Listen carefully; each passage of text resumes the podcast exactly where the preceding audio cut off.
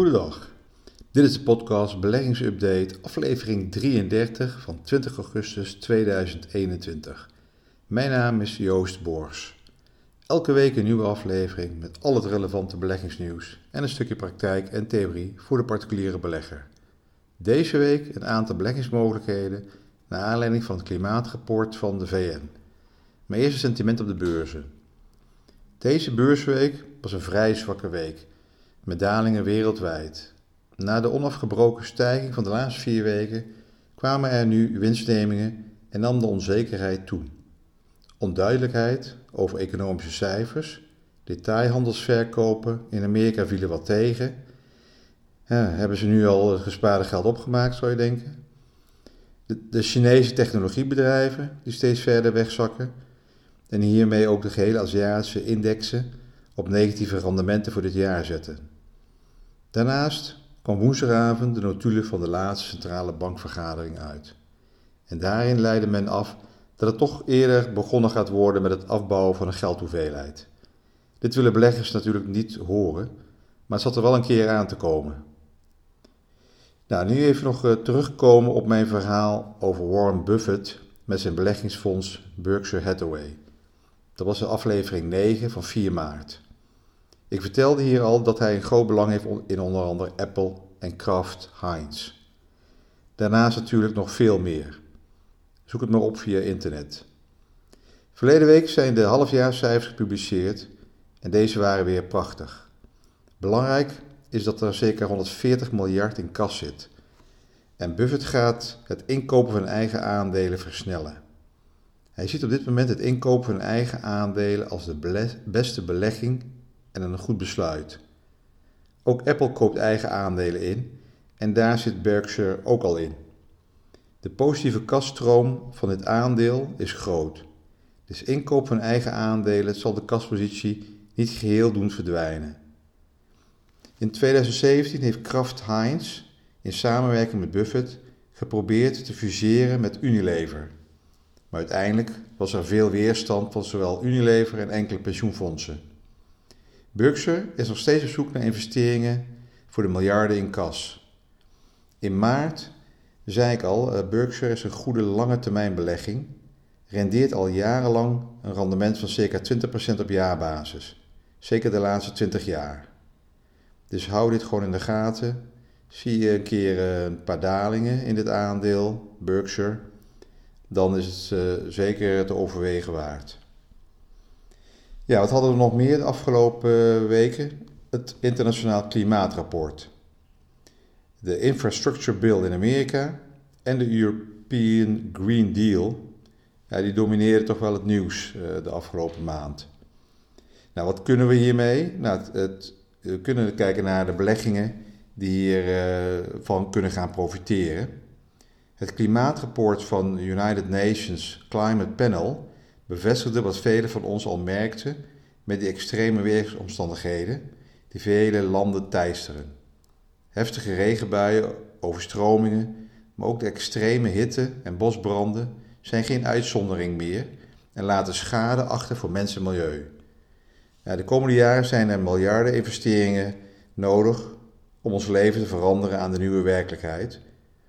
En in Amerika, die infrastructure bill, pakt ook de verouderde infrastructuur aan en tevens ook hiermee vergroening. In Amerika gaat het alleen al om een bedrag van eh, zo'n 1000 miljard dollar. Dit zorgt dus ook al voor een extra boost aan de economische groei. Om hiervan uh, te kunnen profiteren en de juiste belegging te vinden, is nogal een opgave. Je kan natuurlijk altijd Tesla kopen voor die elektra-auto's, of Vestas Wind voor groene stroom, dat zijn die uh, windturbines. Of Caterpillar, als je gaat voor uh, infrastructurele projecten, voor de graafmachines. Dus uh, wat is nu handig? Nou, ik heb gewoon een aantal verschillende beleggingsfondsen, individuele aandelen en indextrekkers geselecteerd, die eventueel kunnen profiteren van de geldstromen die de komende jaren op gang gaan komen. Ik verdeel ze over drie verschillende deelgebieden infrastructuur, clean energy en uh, electric driving en uh, batteries. Nou, laten we beginnen met de infrastructurele kant. Een beleggingsfonds en een indextrekker die wereldwijd beleggen in aandelen die profiteren van infrastructuur zijn onder andere DWS Invest Global Infrastructure Fund en uh, iShare Global Infrastructure ETF. Alle twee hebben ongeveer dezelfde sectorale aandelenverdeling, nutsbedrijven en industrie als belangrijkste sector. Nou, clean energie, wat kan je daar allemaal in vinden? Daar kan je heel veel in vinden. Ik heb er uh, een aantal geselecteerd. Hè. Amundi MSCI World Climate Transition Fund. Robeco Sam Smart Energy Fund. En Pictet Clean Energy. Bij alle drie is de aandelensector technologie ruim vertegenwoordigd. Denk hier onder andere aan aandelen Apple, Microsoft. En bij twee van de genoemde drie aandelenfondsen, dus bij Robeco en uh, Pictet, zitten bijvoorbeeld uh, individuele aandelen als en ON Semiconductors in de portefeuille. Dus er is wel vaak overlap van dezelfde sectoren en individuele aandelen.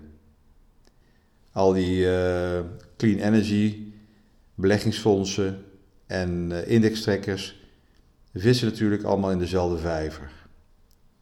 Nou, bijvoorbeeld uh, het bedrijf Albemarle is een chemiebedrijf gespecialiseerd in batterijtechnologie en lithium.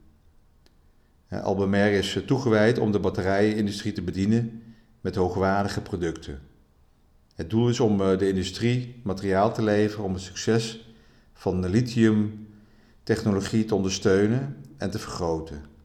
Niet alleen in toepassingen met mobiele communicatie en elektrische gereedschap, maar ook in elektrische mobiliteit. Nou, het derde deel zijn elektrische auto's, mobiliteit en batterijoplossingen. Ik heb uh, iShares Electric Vehicles and Driving Technology, is ook een uh, ETF, een indextrekker. En uh, Wisdom Tree Battery Solution ETF. Ja, dit zijn al, allebei indextrekkers met een goede spreiding in zowel een specifieke sector. Bij Wisdom Tree Battery Solutions is natuurlijk altijd het risico dat er ooit een andere oplossing kan komen dan batterijtechnologie. Nou, beide indextrekkers, als je het gaat uh, doorspitten, dan zie je ook dat ze uh, allebei een belang hebben in Tesla. Ja, mijn oplossing zou zijn als je het totaal uh, bekijkt, hè, van wat gaat er nu allemaal gaan, gaat komen. We gaan al die miljarden in, hè. overheden gaan investeren in clean energy. In Amerika gaan ze de infrastructuur aanpakken, maar ook in Amerika willen ze dan meteen als ze die infrastructuur aanpakken ook gaan vergroenen. Uh, iedereen is dus uh, op, op zoek naar uh, oplossingen.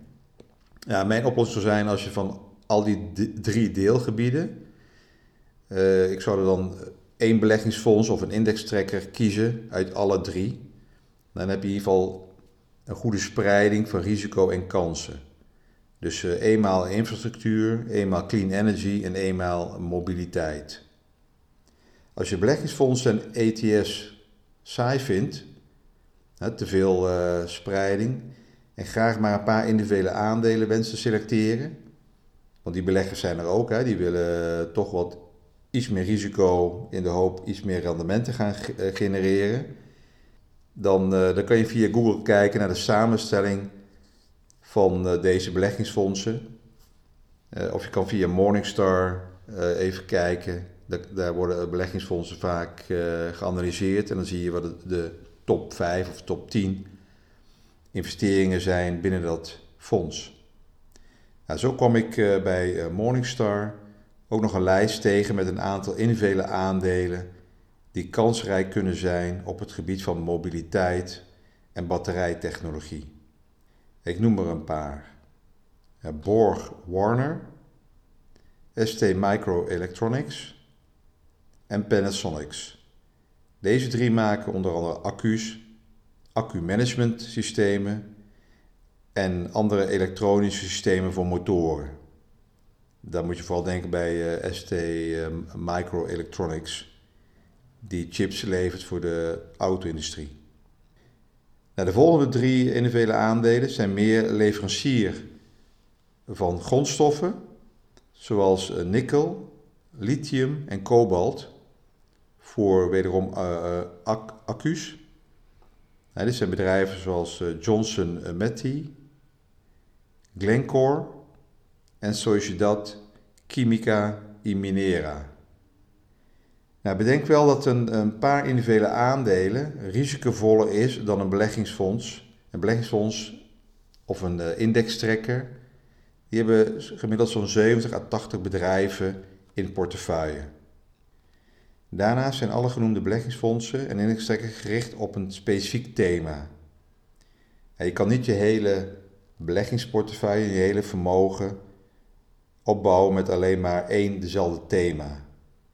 je kan niet uh, zeggen van nou ik ga mijn hele vermogen beleggen in het thema infrastructuur of clean energy of in elektrische auto's en mobiliteit. Het uh, is dus ook hier rekening houden met uh, spreiding. je rendementskansen door het percentage, het belang in deze specifieke thema's te beperken ten opzichte van het geheel. Dus kijk goed even hoeveel eh, procent van je totale vermogen je in deze specifieke thema's plaatst. Dan kan je ook gaan kijken naar mijn verhaal over core satellite portefeuilles. Hè. Je hebt altijd een kern van je portefeuille en dan bouw je wat satellieten erbij. Nou, deze thema's van infrastructuur, clean energy en mobiliteit, uh, elektrische auto's en batterijoplossingen. Dat kan je dan zien als specifieke satellieten die je als thema's toevoegt aan een bestaande portefeuille. Nou, even nog wat uh, feitenkennis. De Amerikaanse index SP 500 heeft afgelopen week het snelst een herstel van 100% bereikt na een daling. En dit is het, uh, het snelst sinds de Tweede Wereldoorlog dat een index een 100% stijging heeft laten zien. Normaal doet een beurs er zo'n drie jaar over, nou, zo'n duizend beursdagen, voordat er uh, van het dieptepunt een verdubbeling plaatsvindt. Het is wel weer een indicatie hoe sterk en hard deze uh, ja, deze bullische markt, die hoogstmarkt, was en is gegaan de afgelopen tijd. Sinds het dieptepunt april 2020 tot en met uh, verleden week. Ondersteund door niet alleen het ingrijpen van die centrale banken, maar toch ook wel door de goede bedrijfscijfers, die elke keer wel weer die analisten weten te verrassen met steeds weer nieuwe records. En steeds zijn die bedrijfscijfers beter dan analisten hadden voorzien. Dan weet ik niet of het dat ook voor de komende laatste twee kwartalen van dit jaar zal zijn. Want op een gegeven moment zullen de analisten hun verwachtingen steeds meer gaan opschroeven. Maar ze lopen eigenlijk elke keer achter de markt aan. Dus die aandelenmarkt wordt wel goed ondersteund door eh, bedrijven die steeds weer met betere cijfers komen. Nou, ik hoop dat jullie er ook zo van hebben kunnen profiteren, van de snelste 100% uh, stijging van een, uh, van een index. Um, dank in ieder geval voor het luisteren. Het was een, een korte podcast dit keer. Het is natuurlijk ook weer vakantietijd. Alles is op basis van openbare informatie en mijn persoonlijke visie. Geen direct advies. Ga zelf even eh, na wat belangrijk is binnen jouw eh, portefeuille en je risicoacceptatie. Eh, stem het alles af met je eigen adviseur. Je kan me ook volgen op Instagram. Daar plaats ik ook regelmatig wat actuele updates. En nou, tot de volgende week dan wel weer. Dank voor het luisteren.